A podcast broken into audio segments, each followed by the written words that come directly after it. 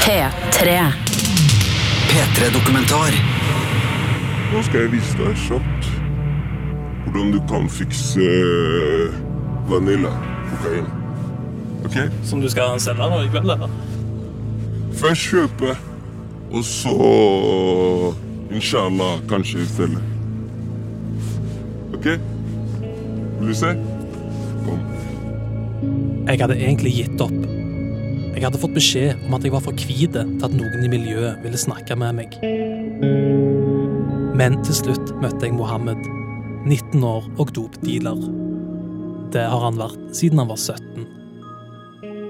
Det er nå, nå jeg skal lære deg hvordan du skaffer kokain her i Norge. Ja, ja. Hurra. Han er en del av et knalltøft miljø hvor knivstikkinger og våpen er dagligdags. En mann i 20-årene skal være alvorlig skadd etter en knivstikking på Galgeberget i Oslo i natt. Politiet har pågrepet en 16 år gammel gutt. Det sier operasjonen. Politiet i Oslo har pågrepet en ungdom etter at en annen tenåringsgutt ble knivstukket på Tøyen. En 21 år gammel mann er fraktet til Ullevål sykehus med alvorlige skader etter at han ble stukket med kniv. 22 år gammel mann er alvorlig skadet etter at han ble knivstukket i Oslo. Knivstikkingen skjedde i Brugata i Oslo sentrum rundt klokken to i natt. Miljøet som Mohammed er en del av, består av unge menn, og de har flerkulturell bakgrunn. De selger hasj, marihuana og annen narkotika. Territoriet er Grønland i Oslo sentrum, som har blitt arenaen for det åpne russalget i byen. For politiet har dette blitt et av de mest krevende områder. Ikke bare fordi vold og narkotika er hverdagen, men for at de som selger og kjøper i området, kan være barn helt ned i 14-årsalderen. Narkotikahandel en lukka og brutal verden. Det virker som en evig kamp mellom politiet og de kriminelle, og en enda større kamp internt om makt og kontroll.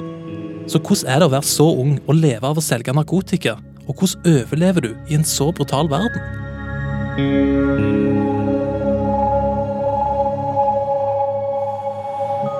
OK, hvem er du? Mahmoud, Og hva er jobben din? Hva er det er det du driver innen, da? Selge hasj. Men det er vel ikke bare Og speed og så alt sammen. Det kunden ville ha Jeg kan prøve å fikse det, så klart. Det er seint på kvelden et sted i Oslo sentrum. Det er kaldt, og froststreiken stiger sakte mot himmelen hver gang noen åpner munnen for å prate. Mohammed er høy, slank og har afrikansk bakgrunn. Det karismatiske smilet og de imøtekommende brune øynene får meg til å tro at han er en god selger, selv om produktet er noe tvilsomt.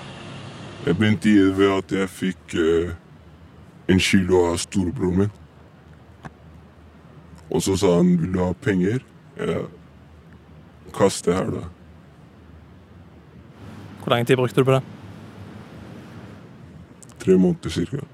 Hvor gammel var du da? 15 år. 15, nei, 17 år. Og nå er du? 19. Men uh, dette er jo et tøft game for en 19-åring. Hvordan har det vært? Og hvordan er det? Det er ikke farlig, for jeg har mange sahbi rundt meg. Sahabi er et ord du kommer til å høre mye. Det er arabisk og betyr Mohammeds følgesvenn. Men i dagligtale kan det bety alt fra venn til gjengen min. Landsmennene mine. Vil ikke si, vil ikke si hvor de er ifra. Vi er her i Norge alle sammen, men passer på hverandre. Kan ikke tyste på hverandre, skjønner du. Ingen liker uh, sladreankere. Hva er det som skjer med dem? Hvem vet hva som skjer med dem? Du får bank, du får bank selvfølgelig. Jeg har banka folk som har sladra på meg. Men det, er- du føler det er noe du må gjøre? Selvfølgelig. Selvfølgelig, hvis du sladrer på det jeg gjør, og kommer i min måte å tjene penger på, selvfølgelig skal du få bank. Da Mohammed begynte å selge hasj, havna han utfor samfunnet. Men hva var det som tiltrakk han til et sånt liv? Han er ikke rusfri sjøl og har flere fengselsdommer bak seg, som gjør at han har mista trua på at han noen gang kan få et vanlig liv. Men Før du fikk denne klossen med, med hasj, var det dette du så for deg at du skulle drive med? Nei, jeg så ikke for meg det, Men jeg tenkte det er penger, hvorfor ikke? Lett etter penger. Og når storebroren min eh, gjorde det så bra her i Oslo, så hvorfor ikke? Hvordan var det når du starta? Jeg fikk jo penger kjapt, og jeg fikk jo respekt kjapt pga. storebroren min også. Du sier du har landsmenn eh, bak deg, og i media sånn, så er det mye snakk om disse ungdomsgjengene og sånt. Ja. Er du en del av det? Er du med i en gjeng? Ingen kommentar på det, men det er en del gjenger her i Oslo, for å si det sånn. Det er jo somalere, og så er det nordafrikanere, sahber, hvis du skjønner. Og de og somalierne er jo ikke gode kompiser. Eller. Men du tenker ikke på det sjøl, at liksom Fuck, er det dop jeg skal selge resten av livet? Nei, det er ikke det jeg vil, men allerede fire-fem ganger sitte inne i fengsel, det er ikke noe vits da. Fordi hver gang jeg er ute, politiet stopper meg, så hva er vitsen? Hva er ditt forhold til politiet? Dårlig, veldig dårlig. De stopper meg hver gang jeg er ute. Det er min feil også, men Uansett hva jeg gjør, hvis jeg gjør riktig og går på jobb, da de stopper meg altså. Hva er det de spør om, da? Navn. Og så sjekke rulleblad. Og når de ser rullebladet ditt, så Hei, lenge siden sist. Der jeg er på vei nå, er et sted Mohammed er for smarte til å oppholde seg lengre. Vaterlandsbroa. Det åpna narkotikamarkedet, som før var plata i Oslo, har sakte, men sikkert blitt pressa ut av sentrum og befinner seg i dag under ei bro på Grønland. Her selges det 24-7 i full offentlighet. Vi skal nå bli med politiet på litt spaning. Politioverbetjent Jan Erik Bresil jobber sivilt i området på Grønland, og særlig under den berykta Vaterlandsbrua. Han jobber opp mot de som selger, og har som mål om å få ungdom som Mohammed ut av miljøet før det er for seint. Hans hverdag består av å ferske selgere, lure kjøpere, bøtelegge, skremme og snakke fornuft. Når han er på jobb, høres det omtrent sånn ut. Hva skjer da? Hva skjer? Går bra? Det er kaldt. Livet er herlig. Ja, vi snakkes. Ja. Trenger dere rev, eller? Hæ? Det er skvatt på Rundre. Der kommer en ny kandidat. Bare spre dere fra meg. Hei. Ok. Polis. Politi. Hva skjer? Ok, en polis. Det er faen meg diskriminering. De tror at jeg har hasj til salg. sånn. Opp av lommen. Har du noe våpen på deg? Bare. Når du har bortvist han, tar du bortvist og ransaker han. Hasjisj vil han selge. Har vi tatt ti stykker som ville kjøpe av oss noe bortvist? Det er helt Texas her. Det er ikke bra, altså. Ok, Men gutta gutter og boys, vet dere hva det dere holder på med nå? En av politiets plikter det er å forebygge kriminalitet. Ja, ja, vi forstår det. Ja, Og eh, 10 000 kroner koster det å kjøpe her. Seriøst? Ja, Helt seriøst.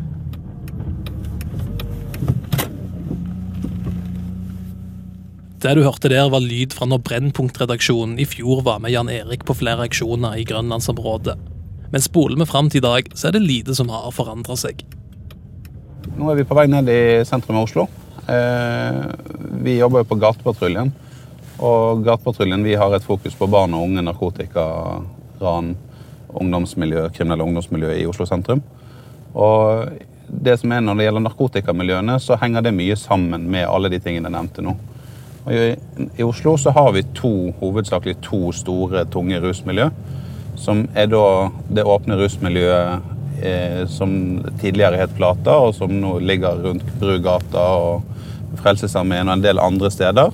Med tunge rusmisbrukere som selger for å opprettholde eget rusmisbruk. Og, og noen profesjonelle aktører som selger for vinningens skyld. Og det er de tradisjonelle som sliter med heroin og piller og tyngre stoffer. Og så har vi et annet miljø som er helt annerledes, og det er dit vi skal nå.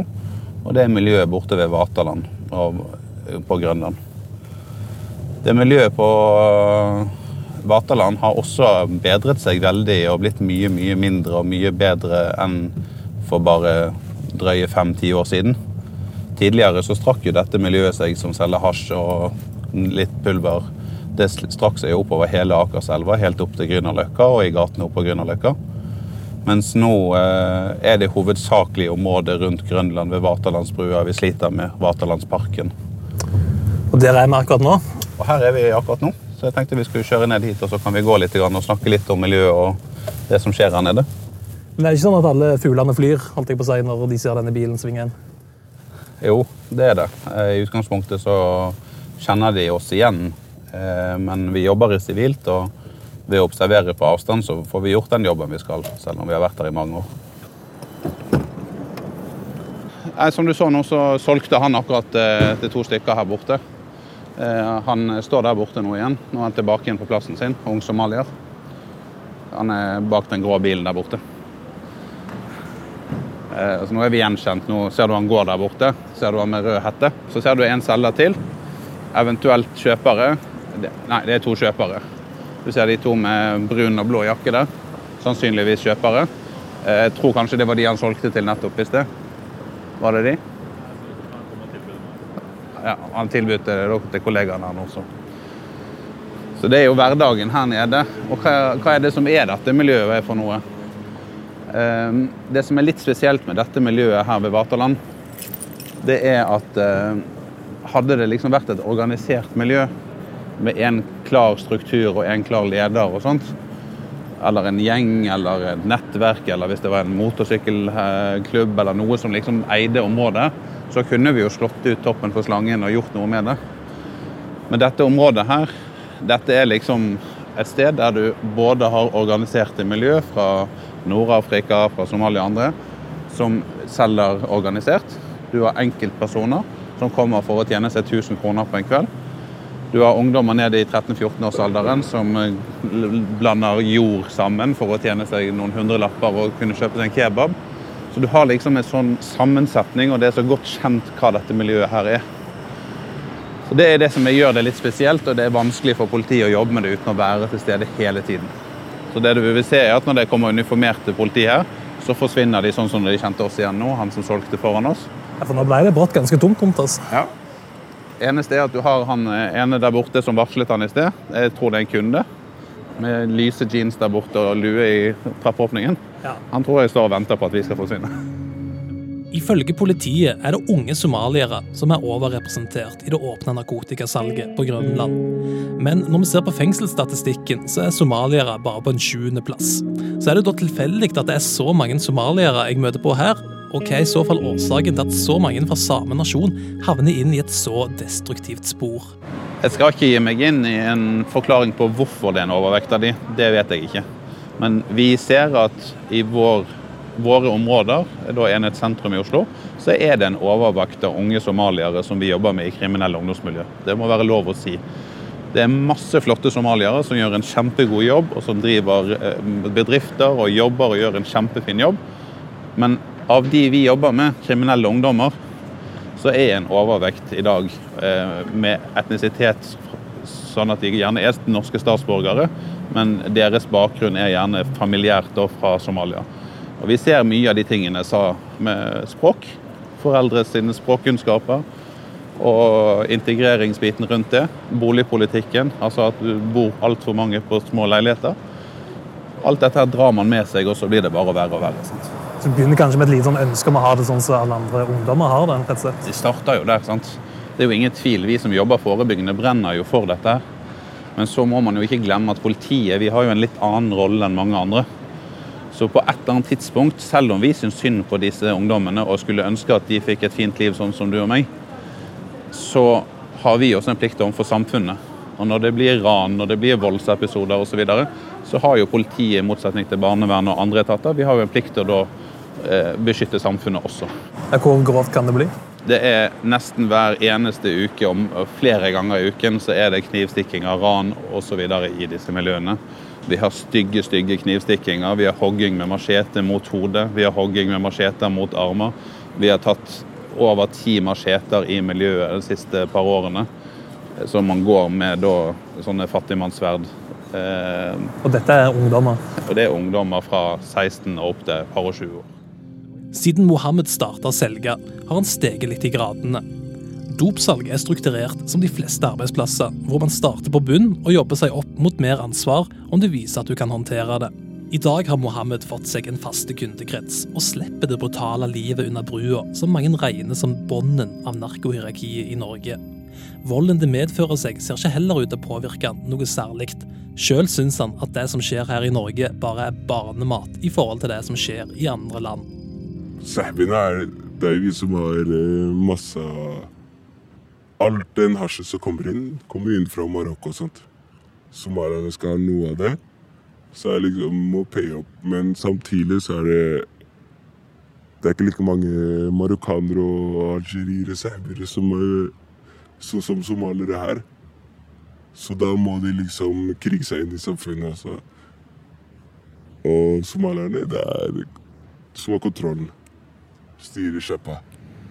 For de fleste nordmenn så er det her veldig sånn ukjent verden. og Hvordan er det egentlig å være på innsida? Hvordan vil du beskrive det? Det er ikke så vanskelig som de skader på, på nyhetene og sånt, da, for å si sånn. Det skjer i alle land. Det skjer i USA. Jeg føler nordmenn de ser opp til USA på alle slags mulige måter. Men det her er jo ting som er enda verre i USA enn det det er. Der er barnemat i forhold til USA. Men Hva er det som skjer her, da, som bare er barnemat? Det er ikke så lenge siden politiet beslagla seks kilo heroin fra en somalsk liga. Ok, Du beslagla seks kilo heroin. Det er ikke sånn som at det er 100 personer som har blitt drept på drive-bys. På skuddvekslinger eller noe sånt som. Hvis du skjønner greia? Så det er mer harmløst å selge dop? Ja, mye mer. Det er ikke som at folk driver eller det skjer jo dumme ting og sånt. Plutselig så skjer det at noen har et balltre. Men du ser ikke at det er 100 personer som blir skutt i en skuddveksling. Skru fjerne. En skikkelse skimtes i bakgrunnen. Jeg får beskjed om å skru av opptakeren. Mohammed spør om jeg vil kjøpe hasj, og jeg forstår ikke helt. Han roter i lommene helt til personen har gått forbi. Paranoiaen er skyhøy. Det er som han tror at alle mørkhuda personer er et nettverk av øyne og ører han ikke vil skal observere hva som skjer, i tilfelle ryktene skulle spre seg. Dette er et miljø som vil forbli i skyggen. Det er en sahbi Det går ikke Intercull Ja, det går ikke. Det er mye internjustis. Ja. Ja. Det er mange kompiser fra Gibraltar, fra overalt, skjønner du. Vi er overalt. Politiet sier det er en overvekt av unge somalere i akkurat dette miljøet, men det virker litt tilfeldig. De framstår for lite organisert til å utgjøre en felles entitet. Marginalisering framstår som en mye større fellesnevner enn etnisitet, ut fra både det Bresil og Mohammed sier om situasjonen. For Det er jo viktig for meg også at de i sånn narkohierarkiet da, dealer-hierarkiet, så er jo Akerselva og Grønland og Vaterland på bunnen, liksom. Dette er Sveinung Sandberg. Han er professor i kriminologi og har skrevet boka Gatekapital, som tar for seg det kriminelle ungdomsmiljøet i Oslo sentrum. Eh, alle vil helst egentlig selge et annet sted. da. For det andre stedet tjener du mer penger, og det er mindre risiko for å bli tatt av politiet. Han har fulgt rusmiljøet i Oslo i over et tiår og har lært seg å kjenne disse unge mennene ganske godt. Og han forklarer at det harde imaget deres ofte sprekker når du kommer litt under huden på dem. Altså På den ene siden så er det jo åpenbart at de er liksom en slags sånn gangster i en sånn gangsterverden. Og at de prøver å iscenesette seg selv som det, da, som noe som ligner på det som skjer i den amerikanske populærkulturen. liksom Filmer og musikk og sånn. Mens på den andre siden, så de andre fortellingene de forteller, er jo mye mer knyttet til at de liksom er offer for eh, gjerne ting som har skjedd i familien, eh, diskriminering på skole, arbeidsliv, sånne ting. Så jeg tror det er den dobbeltheten der, da. Både dragningen mot det å være gangster og liksom iscenesette en sånn slags gangsterrapp-mytologi med å gå rundt på gatene og deale, og på den andre siden dette med at de eh, ikke har så veldig mange andre arenaer å lykkes på i det norske samfunnet. Jeg tror det liksom er nøkkelen for å forstå det. Det er en kontinuerlig reproduksjon av, av denne kulturen. Og det fascinerende der nede i det området i Oslo er jo at det har vært nå i kanskje 10-15 år stort sett akkurat de samme eh, typene som er der, og akkurat det samme de driver med. Og akkurat de samme grunnene til at de kommer inn, og akkurat de samme grunnene til at det er vanskelig eh, å få de ut. da. Livet som selger, uansett hvilket nivå du er på, gir deg et begrensa sett med muligheter. Ifølge Sandberg er det stort sett bare tre veier Mohammed nå kan velge mellom. Da kan du enten, og det er det mange eksempler på, eh, bare gå ut av det, fortsette, eh, avslutte eh, videregående, få deg en jobb og ha det som en sånn historie som du ser tilbake igjen på og liksom ja, tenker på som et lite sånn avbrekk i, i livet, da. Eller så kan du Et friår. Ja. Eller så kan du utvikle store, tunge rusproblemer som sannsynligvis drar deg ut bortover mot heroinscenen og, og sånne ting, da, med, det, med de tunge tunge rusmisbrukerne der. Eh, men du kan også begynne å klatre hierarkiene i dealer-hierarkiene. Så hvis du klarer liksom å holde din egen rusbruk litt sånn i sjakk, og viser at du er god på den eh, business-biten av det, så kan du jo få større muligheter til å liksom selge mer, og på den måten klatre og, eh, og bli en større aktør i narkotikaøkonomien. Vi er tilbake med Mohammed et sted i Oslo sentrum. Han hadde lyst til å synge karaoke mens han venta på varene han forhåpentligvis skal selge. Vi finner en tom pub og blar gjennom sangheftet. Karaoke Karaoke får du på Så du ikke stenger det opp, da er det karaoke det går i? Lite grann. Shoi, shoi. Ja, det er det. Ja, for det er, jo, det er jo litt sånn kjappe penger, ikke sant? Ja, møte kunde her, møte kunde der. 11-12-13 kunder. Tjener 1300 på en time. Vi da er profitt eh, 1000 kroner. Men penger. bra penger. Hvor time din for å synge gamle sviske? Jeg synger litt eh, Bob Dylan, Tupac.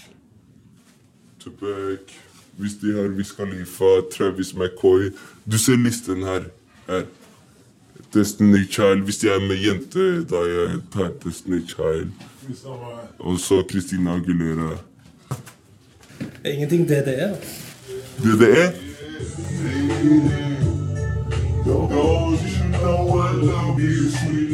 Han er ikke bekymra for at politiet og Jan Erik Bresil konstant er på jakt etter han. Han sier bare det har blitt en del av hverdagen. Men hva er det som motiverer Mohammed til å fortsette med dette livet? Mohammed er ikke en av de som vandrer gatelangs i Oslo sentrum som barn og kasta beundrende blikk etter ungdommer som hadde lommene fulle av krølla hundrelapper. Han vokste opp i et ganske vanlig hjem. Når vi ikke har vært i opptak, har han sagt han vil jobbe i media, og ikke på gata. Men derfor blir med tanken. De kjappe pengene vinner alt. Når jeg har det gøy, jeg skrur av telefonen da jeg har det gøy med jenter, kompiser. Ikke noe å selge. Bare slapp av, bruke penger. Ikke noe å selge, for du har solgt inne før? Ja, ja, et par ganger. Men når jeg skal ha det gøy, jeg bruker penger. Jeg jobber fra mandag til torsdag, fredag, lørdag ha det gøy. Søndag slapp av. Alle jobber fra syv, åtte, ni, ti timer hver dag. Fra mandag til fredag. Jeg jobber fire timer mandag til torsdag. Koser meg fredag til lørdag, søndag fri. Og jeg får like mye betalt. Ingen skatt. Så jeg blir profitt, profitt. Hvor mye tror du du tjener på en måned? En måned øh, Vanskelig Hver dag 4000-5000 hver dag. Mandag til torsdag. Har du sparekonto? Nei. Da politiet Du vet ikke Det blir ikke sparekonto. Men har du eh, altså for barndommen, sånn, barndomskompiser som kanskje lever et annet liv, eh, hvordan tenker du rundt det? Føler du at du har valgt feil av og til? Ja, de, når de er ferdig, studerer ferdig universitet men jeg får fortsatt mer penger enn de. Men samtidig, de, de kan bruke penger på hus, på bil, alt, men ikke Så noen ganger feil, men etterpå jeg tenker jeg har mer penger enn de. Hva er det som er viktig for deg i livet? Få riktig jobb. Ikke Jeg har jobb med masse penger, men jeg får ikke brukt alle pengene mine. Hvis jeg vil jeg kan kjøpe en ny BMW, Men etterpå staten sier hvor pengene kommer ifra. Det er det. Så jeg kan ikke bruke Skal vi finne en sang, eller? Ja. Hvilken vil du ha? Nei, du må ta en du liker.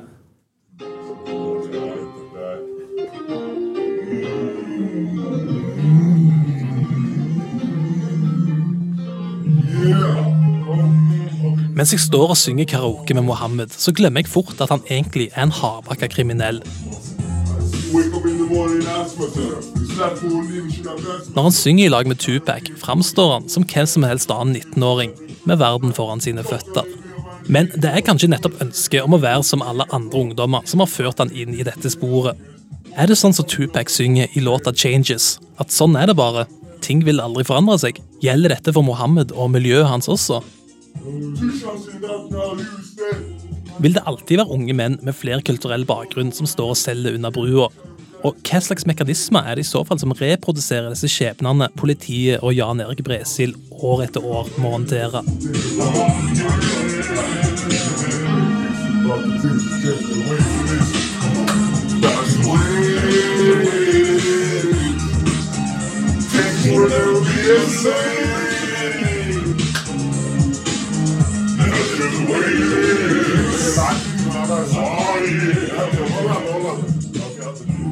Politiet er jo ikke naive. Vi tror jo ikke at all narkotika forsvinner sånn eh, at vips, så er alt borte.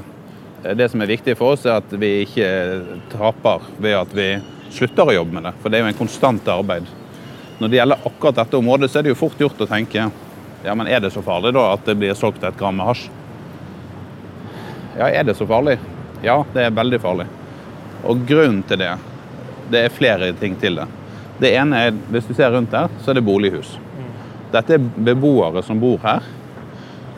Når de tar barna sine ut og går her, så er det knivstikkinger nesten hver dag og hver uke. Det er ran, det er bæring av kniv, det er bæring av skytevåpen en gang iblant. Det er konflikter og ran innad i miljøet.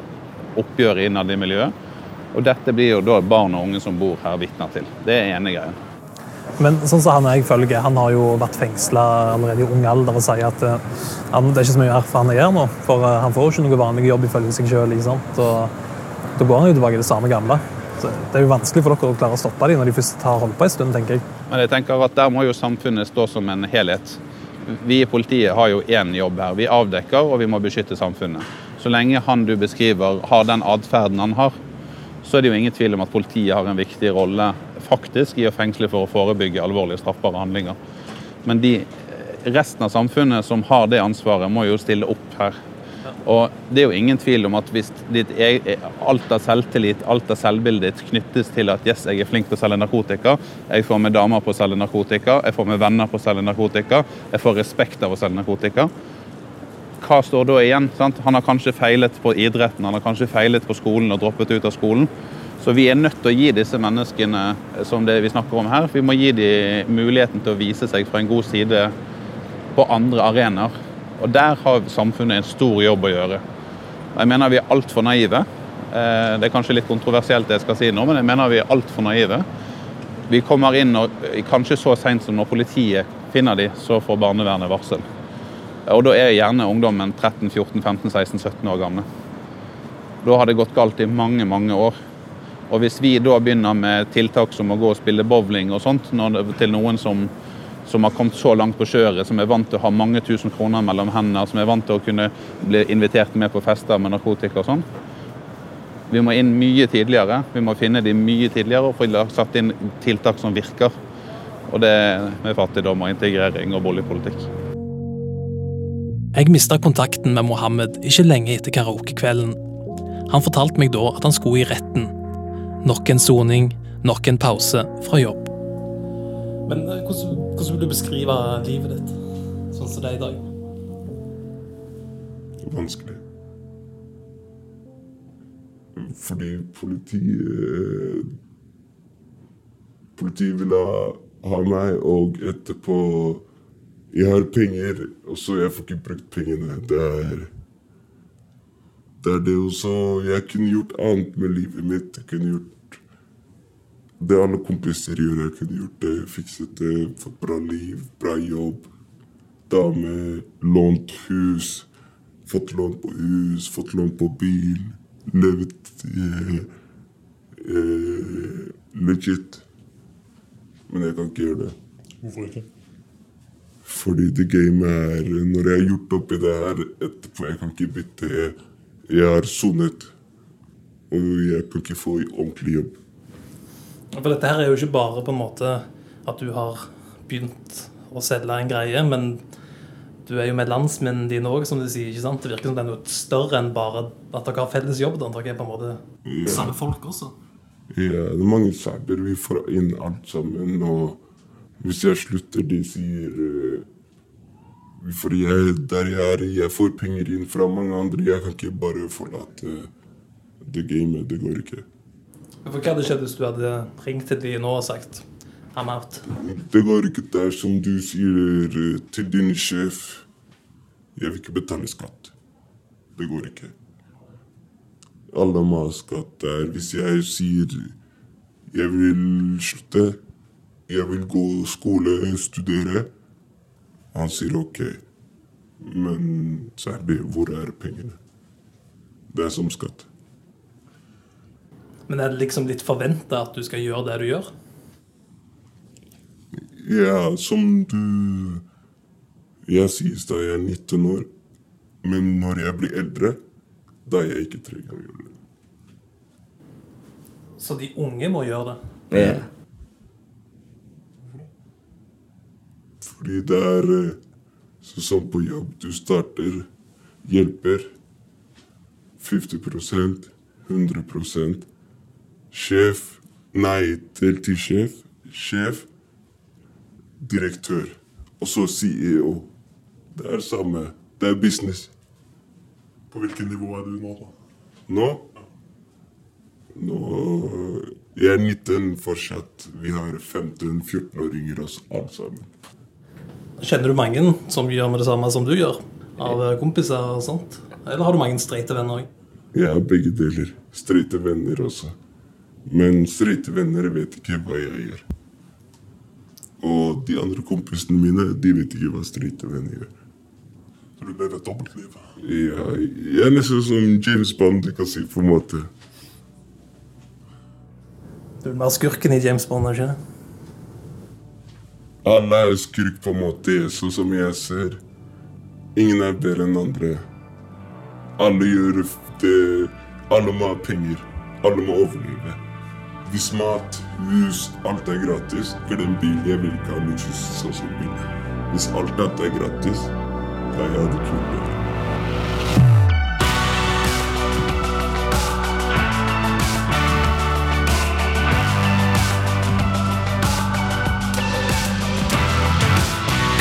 P3-dokumentar. Søndag klokka ni på P3. Se, les og lytt mer til denne historien når du vil. På p3.no.